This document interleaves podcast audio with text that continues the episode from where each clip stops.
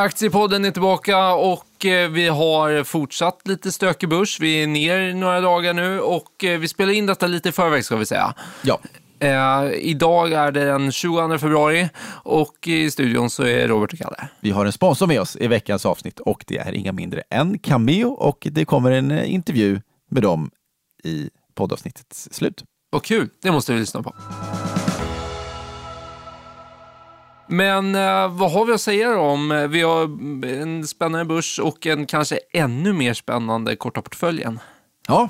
ja, men så är det. Den har ju fortsatt att takta på på ett, på ett bra sätt ändå, får vi lov att säga. Vi gjorde en snabb trade i Oddfjäll som eh, spelade väl ut. Vi, visst eh, nämnde vi Oddfjäll i förra avsnittet också, Ja. eh, tror jag. Och eh, det blev som sagt det blev en kort trade. Hur länge ägde vi den? Fyra handelsdagar, eller? Vi sålde på tisdagen, köpte på torsdagen. Någonting sånt ja. Ja, och... Och vi eh, har ju mandat att göra det i våran podd, ska jag tillägga, i våran podd, i våran portfölj. Ingen 30 dagars regel där inte. Nej, så är det inte. Ehm, och eh, 29 procent blev det. Det får man ju vara glad för. Och jag vet att det var några som ryggade den traden. Det är ju inte en rekommendation på något sätt, men eh, grattis till eh, er. Verkligen. Och det här var ju också ett bett på en bra kvartalsrapport som skulle då dimpa ner där på, under fredagen, vilket också var. Eh, Det, det, det var det. Det var en bra rapport och det, jag vet inte riktigt hur det här Det var ju ett nytt bolag för oss båda. Eh, Men jag kan inte riktigt se hur det här bolaget har varit så otroligt billigt. För det har under året handlats upp, nu vet jag inte, eh, jag drar till med 60 procent. Utan att jättemycket har hänt. Och då är jag lite, hur kunde det handla så innan? Marknaden kanske inte är så effektiv som man ibland tror. I alla fall inte bland norska småbolag. Nej, nej. Eh, Men mer i portföljen då. Eh, Vi har ju massa spännande bolag. Ja, men ska vi ändå, ska vi ändå dra av plåstret? Jag tänker på, på det temat låg värdering. Truecaller såg billigt ut. Ja, Sen kom rapporten idag när vi spelar in. ja. Eh, Det är inte så kul när man har tillväxtmål på 40-50 procent och så är tillväxten 10 procent och så går marginalen från vad var det, 43 procent till 28 procent. Och det, det, undrar om inte ens det var någon helårsmarginal eller någonting. Ja, det- jo, Jag tror att det var absolut. ännu värre. Okej, det Ja. kanske var ännu värre. Eh, Det, Ja. var, det var katastrof i alla Aktien fall. är 25 procent. Ja, med all rätt. Mm. Eh, Jag har inte grottat rapporten, men Nej. eh, det här känns inte ens billigt eh, när den är 28 procent. För att det är klart att om man eh, skriver tillväxten framåt eller vinsten framåt till minus 10 procent eller plus 45 procent så påverkar det P talet ganska mycket. Såklart, verkligen. Eh, så, nej, så den där får vi ju se över. Det var ju, vi satt ju här i förra avsnittet och sa att eh, vi har inte åkt på någon rapportsmock än. Där kom den. Där Som kom tur den. var i portföljens minsta innehav i alla fall. Ja. Alltid något. Ja, men det är vi glada för. Eh, Förra, år, eller förra kvartalsrapporten var det väl två smockor. Det var väl också Truecaller och Eraser va? Ja, Eh, så denna gången var det bara en. Ja, Eh, Så nästa kvartalsrapport, då, rapportsäsong menar jag, då är det väl noll förhoppningsvis. Vi jobbar mot det. Inga krav. Vi kan Nej. ju sälja av hela portföljen också så får vi inga rapportsmockor. smart. Ja. Eh, då hade man missat väldigt mycket avkastning i år. Eh, men eh, kvar på uppsidan så eh, vi har Evolution som taktar på bra och sen så är jag lite taggad på utdelningarna nu i portföljen. Vi börjar närma oss utdelningssäsongen. Jag vet inte, många lyssnare har ju någon form av utdelningsstrategi och så vidare. Jag vet inte, hur känner du inför vårens utdelningssäsong? Jag känner att vi, vi har ju gått in i det här året och vi hade även den vyn eh, i slutet på förra året, eller egentligen under hela hösten, att vi vill ju gärna äga, en, en stor del av portföljen ska ju vara välkapitaliserade, starka, stabila bolag som också kan dela ut mycket. Inte bara för att det är kul att få utdelning, men också för att det, det signalerar ju om en stabilitet i verksamheten som vi har önskat när vi då ändå befinner oss i väldigt osäkra ekonomiska tider. Så att därför så att vi då sitter på, ja men vi har Investor, eh, Lundbergs, eh, nu kanske inte de delar ut lika mycket som typ Volvo och Europris och Handelsbanken. Har vi tagit in igen. De, de tre är väl våra starkaste utdelningsaktier. Eh, Så att vi ser väl det som en ganska viktig del ändå i, i år och det, vi är långt från ensamma om att säga att utdelningen har blivit viktigare under, under senare tid, men det skriver vi ändå under på trots att vi är en kortsiktig portfölj. Så gillar vi att ha en ganska liksom, grundbulten i portföljen är ändå stabila utdelningsaktier. Så. Och, och, det blir ju väldigt logiskt i form av, eh, som vi pratade om, rapportsmockande Truecaller. Många hävdar ju att utdelningen i sig finns inget värde i, vilket är ju korrekt i sak. Man kan få avkastning på olika sätt. Mm. Eh, däremot så utdelningarna känns ju på något sätt lite stabilare. Det är ofta, som du säger, välskötta bolag med en ganska stabil intjäning. Jag tänker till exempel på Handelsbanken när jag säger det. Mm. Eh, och så jämför man det med ett hett tillväxtbolag som, ja, om de bara växer 10 procent istället för eh, 50 procent, eller i början av året växte ju Truecaller 100 procent, ja, men då ska nog aktien ner 50 procent, eller eh, Truecaller som är ner 80 procent toppen. Eh, och det blir ju en väldigt stor skillnad. Det känns som lite säkrare avkastning.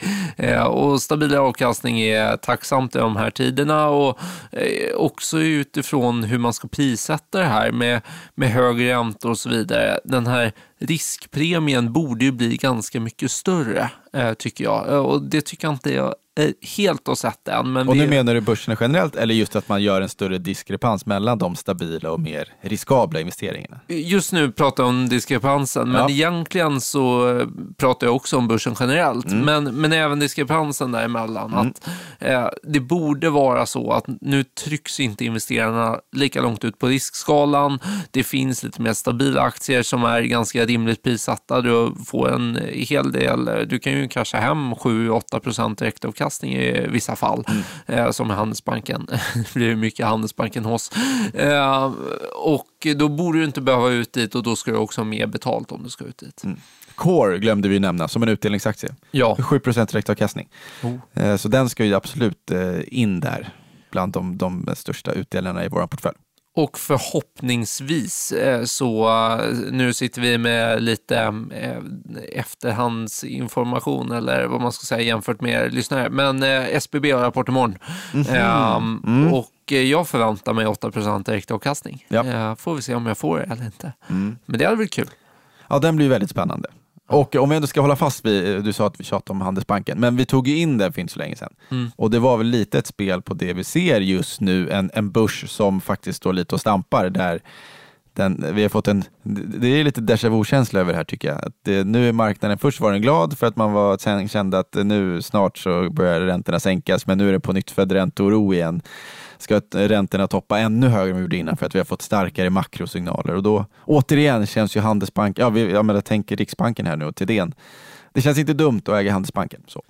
Nej, och jag, jag måste säga så här, börsen är väl ner 5 eh, nu på tre, fyra dagar när vi spelar in detta. Nu vet vi inte hur det går de sista Nej. dagarna. Här. Men, men i alla fall att det just har mattats av lite. Jag är lite förvånad över att inte fler har sett det. För att jag tycker att det har varit just ett väldigt positivt humör.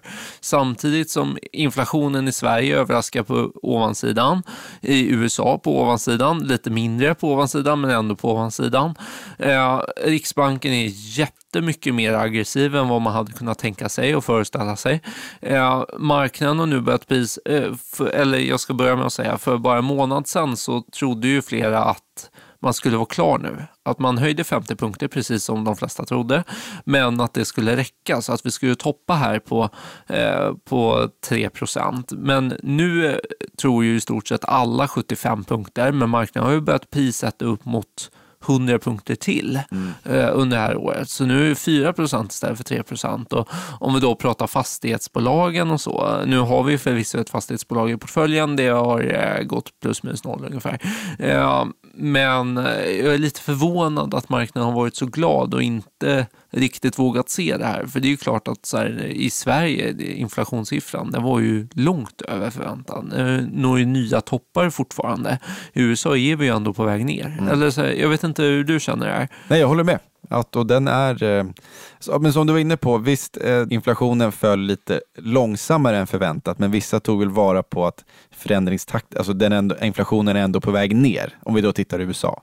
Om det var det man tyckte var då positivt, att okej okay, visst, den kanske inte sjönk så fort som vi trodde, men den går åt rätt håll. Men, men någonstans, och som sagt i Sverige är ju faktiskt situationen annorlunda. Det ska vi komma ihåg. Sverige och USA är inte samma sak. Även om man lätt eh, tänker att liksom, den ekonomiska cykeln ser likadan ut och vi springer precis hack i häl efter, efter Fed och efter hur amerikansk ekonomi utvecklas. Men det gör vi inte riktigt så. Det är lite olika förutsättningar just nu. Ja, men helt olika och dessutom så mår ju svenska konsumenten så otroligt mycket sämre Ja. än den amerikanska konsumenten av stigande räntor eh, i form av högre bostadspriser och eh, mer rörliga lån. Och högt, högt belånade hushåll. Ja. Alltså extremt högt ur ett relativt mått om vi tittar globalt. Ja. Så.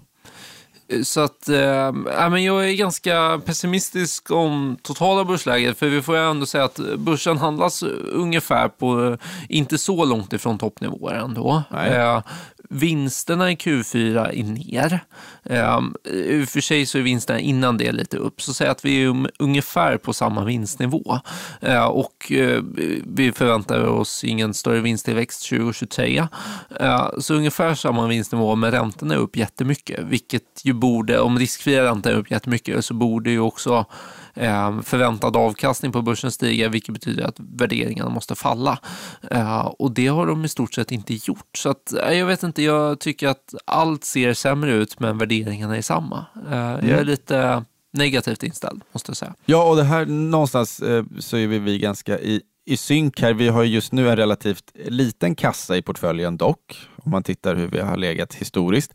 Men om man också tittar på de största innehaven, om vi tittar på liksom, vad ska man säga, topp top fem aktier. Det är ändå Investor, Astra, Lundbergs, Assa Abloy, Evolution som ändå kan leverera tillväxt i den här marknaden. Det är rätt mycket Europris, Volvo Loomis, Securitas, Handelsbanken. Det är ändå rätt stabila pjäser så. Det är en defensivt tiltad portfölj, får jag ändå lov att säga. Jo, men det är det. Eh, Och går börsen ner 10 så är vi ganska övertygade om att vi kommer att gått ner mindre än 10% Ja, verkligen. Och för det, det finns ju det här begreppet beta och eh, jag, jag gillar det inte helt och hållet, men eh, det för med sig en bra tanke med att om man har beta 1 så kommer en aktie ungefär följa eh, index. Om index är upp 10 så går aktien upp 10. Och om man beta 2 då, ja men då dubblar man det åt båda hållen. Så går index ner 10 så går aktien ner 20. Eh, Vi tror ju att vi har beta typ 0,7-0,8 Ja, kanske. ja, att vi är sagt. lite försiktigare på både upp och nersidan. Ja. Och det är ju, jag tror att det är rätt sätt att angripa om man är lite pessimistisk. Jag tror inte så mycket på att gå ur marknaden, eh, för det finns stora risker med det. Jag menar, vi ser ju bara hur januari blev en helt sjuk eh, börsrusning. Ja, du får ju inte missa den för, för totalavkastningen över året. Det Nej, men blir det är ju för, eller kört. på lång sikt. Ja, precis. Det är kört. Mm, ja. Men om du tappar 2 procentenheter så kanske du kan ta igen Mm. det på bra eh, bolagsval. Ehm, så att ehm, ja, men vi ligger lite lågbeta exponerade. Däremot den där kassan kan ju såklart förändras snabbt, men grundfilosofin är ändå att vi vill ha eh, stor aktieexponering med lite lägre beta. Alltså, vi kommer ju från ett ursvagt 2022 ändå, på många sätt. Många aktier hade det väldigt dåligt. Ja. Om man då ska försöka ta det här i, liksom, om vi ska reflektera lite över det här. Vad, vad var det som funkade bäst under 2022? Vad var det som inte funkade? Har du några så nyckelfaktorer som man bara här, här och nu skulle kunna droppa som kanske kan vara värt att bära med sig i, under ett förväntat även stökigt 2023? Ja, men det har jag. Ehm, jag har kikat in lite här på, gjort lite research, kollat på alla bolag på eh, svenska handelsplatser ehm, och eh, kikat lite eh, enkla saker som man kan använda i sina screeningar som ändå faktiskt, det känns väldigt basic, men som faktiskt har eh, fått dig att nå överavkastning under de senaste åren. Eh, och, och detta är ju så, vi säger inte att köp alla bolag som uppfyller de här kriterierna, men vi köper, säger att det kan vara en bra grund. Eh, en bra grund är ju eh, lönsamma bolag. Eh, Någonstans ingen långsiktig lönsamhet, inget långsiktigt värde. Det var något bolag som det blev på, lite på tal om. Det. Jag tror det börjar på Swedish någonting, eller hur var det? Så var det ja. Ja. Mm. Tänk vad vi har blivit påminda om just den aspekten med bolag nu. Ja. Det har inte spelat så stor roll senaste åren. Helt plötsligt så spelar det en jävla roll. Man eh, kan tycka det. Eh, Det som är intressant är att under det senaste året så vinstbolag som bara gör en enda krona eller mer eh, vinst på sista raden, de föll 23 procent i snitt förra året medan förlustbolag föll 50. På fem år däremot är skillnaden jättestor, plus 77 eller plus 0. Det är ganska intressant. Det är verkligen intressant. Eh, stor skillnad bara på vinst eller förlust. En annan så här, nyckelaspekt tycker jag, så här, nettoskuld ebitda skulle jag vilja säga, det är så här, ett av de bästa nyckeltalen att kolla på för att någonstans få fram en rimlig skuldsättning. Och vikten av det kan man väl betona har ökat ganska mycket eh, i och med att räntekostnader är högre och så vidare. Eh, och jag vet inte så här, det finns ju massa olika nivåer, men om du skulle säga någon nivå, vad, vad, vad pratar man ofta om för ungefärliga nivåer för rimlig skuldsättning? Runt två gånger va? Ungefär? Ja, två, tre gånger känns två, som... Tre, ja. Ja. ja. Det är där många ligger. Lägger man upp mot fyra börjar man tycka att det är högt. Rent ut sagt problematiskt i vissa fall. Då är det storskogen. Ja, eller Skrutas i och för sig.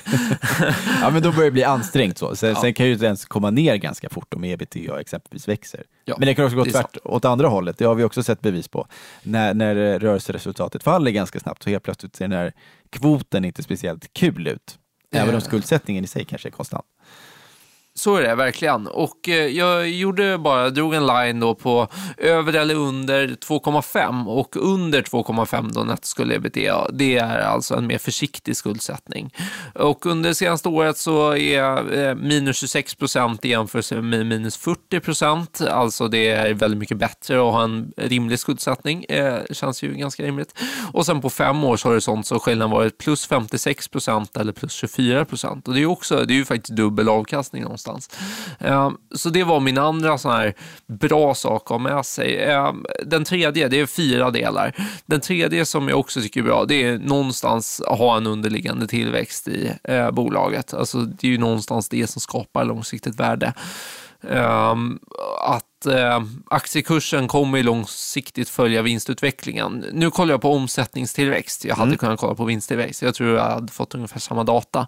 Men bolag som växer mer än 10 procent.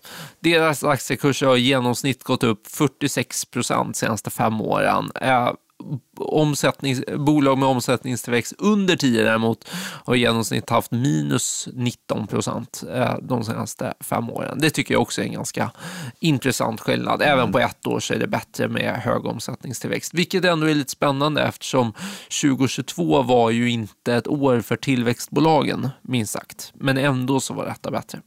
Eh, och sen den sista punkten, marginalutveckling. Det tycker jag ofta är en hint om ett välmående bolag, att eh, marginalerna expanderar eh, eller växer ehm, och i jämförelse med då krymper som till exempel i H&M där det har gått åt skogen de senaste mm. åtta åren var det sedan den toppade. Mm. Helt otroligt. Mm. Ehm, bolag med växande vinstmar- eh, rörelsemarginal förlåt, under de senaste fem åren, där har vi en kursuppgång på 40 procent i jämförelse med de som har haft krympande rörelsemarginaler. På fem år har de bara mäktat med plus 1 procent. Så det är fyra faktorer som jag tycker är ganska intressanta att plocka med i sin analys. Eh, kanske som grunden i screening. Gör de vinst? Har de en rimlig skuldsättning? Eh, växer eh, omsättningen och eh, växer marginalen? Mm. Jättebra grej, verkligen ändå lite så back to basic så, men det är väldigt, väldigt nyttigt att ta med sig det här. Och det här är ju det här är information som egentligen alla kan ta del av. Det är, ja. det är bakåtblickande så. Det är inte så att man behöver ha de senaste analysverktygen eller sitta och pensla in vad man tror om framtiden, för det blir mycket svårare. Utan mm. det här går ju ändå att göra genom att bara titta hur bolag har presterat under de senaste åren, rent operationellt. Och ändå ta med sig det, att välskötta bolag tenderar att gå bättre helt enkelt. Verkligen. Och sen är det klart att det alltid finns undantag ja. från de här reglerna, men jag tror att det är en bra start. Mm. Kloka ord. Tack. De var så pass kloka att det får, bli, det får runda av den här podden, tycker jag. Det, det får det. Ehm, och, eh, men inte helt och hållet, utan vi tackar så mycket för oss. Vi ska gå tillbaka till korta portföljen här mm. utanför. Ehm, men ni ska nu få lyssna på Cameo. Just det. Då säger vi hej och varmt välkomna till avsnittet sponsor av Aktiepodden och det är Cameo och Sverige-vdn Fredrik Kjellgren som är här. Varmt välkommen Fredrik! Ja, men stort tack, riktigt kul att vara här. Ja, roligt att ha dig med oss här och vi får väl börja lite grann här med att du får eh, berätta lite grann om vem, vem du är Fredrik och eh, hur ser din roll ut på Cameo? Mm, så att jag är då ansvarig för Cameos verksamhet i Sverige. Så vi finns ju i Sverige, Norge och Danmark. Och vi på Cameo vi bedriver en investeringsplattform som möjliggör för alla att investera i säkerställda lån till företag. Och när vi pratar om just investera i lån så betyder det att hos oss då att man lånar ut pengar direkt till företaget i fråga. Så det är det vi möjliggör på vår plattform. Eh, och hur ser då Cameos verksamhet ut mer i sig om du utvecklar lite där? Ja, ja men, så vi, eh, vi har ju funnits sedan 2014, har gjort vår första lån sedan 2016. Eh, och vi möjliggör för alla att kunna just låna ut pengar till företag. Det här är ju en till, ett tillgångslag som har varit tillgängligt för, ska säga, personer med ett starkt nätverk eller personer med väldigt mycket kapital. Och det vi gör, vi gör det möjligt för alla att kunna investera i de här tillgångarna helt enkelt. Så, så hos oss kan man investera från 500 kronor och uppåt. Då ska vi prata lite grann här om investeringar utanför börsen. Hur är det egentligen möjligt att göra sådana här? Eh, ja, precis. Så det är ju möjligt då eh, genom dels teknik eh, som, som finns idag. Att det är möjligt att dela upp ett lån som vi gör då i, i delar om 500 kronor eh, och det är då enkelt eh, genom en plattform att just att alla kan få tillgång till de här tillgångsklasserna eh, helt enkelt. Så det är det, det, är det vi har gjort eh, och vi ser ju också att många investerare uppskattar möjligheten att just kunna sprida eh, ska säga, riskerna att investera i fler olika tillgångslag, eh, särskilt i kanske de här tiderna. Eh, och det är det, vi, det är det vi uppmuntrar också. Att det här är ett tillgångslag bland andra som vi vill att fler ska få möjlighet att investera i helt enkelt. Ja, det är intressant det där med att man skapar helt, helt andra möjligheter här jämfört med kanske investeringar i aktier eller fonder eller det som Aktiepoddens lyssnare kanske håller på med mest till vardags. Men om du utvecklar lite mera kring de här uppsidorna, vad är det mer konkret som finns? Och så vill jag även höra lite grann om riskerna. Mm. Ja, men, så uppsidorna framförallt är att man får möjlighet till ett nytt tillgångslag. Sen skulle jag också vilja trycka eh, lite grann på just resultatet. Så vi har ju förmedlat lån nu sedan 2016 och, och snittavkastningen ligger ungefär på 9% per år, vilket är en, en ganska stark, eh, ett starkt resultat även om man jämför med, med aktiemarknaden den här perioden. Så att jag eh, jag tycker att det här kan vara någonting att, som kan vara intressant för, för även de som primärt intresserad av aktier, att se kan det här vara någonting som kanske då passar mig och min egen investeringsfilosofi att ha en del, del av de här, den här typen av tillgångar i, i, i sin investeringsportfölj. Det blir lite som en form av passivt kassaflöde, kan man säga det? Ja, men precis. Så det är ju det är precis vad det är och det är det också vi ser att många av våra investerare just, just uppskattar. Så hos oss så kommer då varje enskilt lån med en månadsvis räntebetalning och snittinvesteraren hos oss har investerat ungefär 20 lån, vilket betyder att snittinvesteraren får då ungefär 20 räntebetalningar i månaden eller 240 räntebetalningar per år, vilket är en eh, ganska attraktivt eh, passivt kassaflöde som vi ser att många av våra investerare uppskattar, särskilt i de här tiderna. Och eh, om du utvecklar lite grann på vilka investeringsmöjligheter det är som Cameo erbjuder eh, rent konkret. Hur, hur ser upplägget ut där? Mm, så vi förmedlar då enbart lån till företag och vi gör enbart att säkerställa krediten. Många av våra lån är säkerställda genom eh, oftast då pant i en fastighet till exempel. Så vi jobbar mycket med inom fastighetssektorn har det blivit. Eh, men det finns andra typer av tillgångar också. Så det enklaste att, att få en känsla för vad vi är, det är att gå in på cameo.se och läsa på om, om projekten. Och är det någonting man är intresserad av eller någonting man tror på så är det då, kan man registrera sig hos oss, det kostar ingenting. Och man kan investera då från 500 kronor och uppåt. Hur kommer man då i kontakt med er på Cameo? Du berättade lite grann där, men jag tänkte om det finns eh, ja, men flera möjligheter och vart man helt enkelt kan hitta och se mer information om Cameo. Ja, ja det är ju cameo.se som finns, men vi är också väldigt aktiva på sociala medier. Så om man söker på Cameo till exempel på Instagram eller Facebook så är vi aktiva där. Och sen har vi en kundsupport som är öppen 9 till 17 varje vardag som man kan ringa om man har frågor eller mejla in och vi är snabba på att svara. Så det är ska säga, det enklaste att, sättet att komma i kontakt med oss. Ja, men det är bra. Då kan man börja där och sen kan man då läsa på mer om de här projekten och ställa frågor därefter. Mm, helt rätt. Ja, men då um, tackar vi avsnittets sponsor av Aktiepodden då i Cameo och Sverige-VD Fredrik Källgren så mycket för att du kom hit och så önskar vi dig och bolaget all lycka framöver. Ja, men stort tack. Tack så mycket.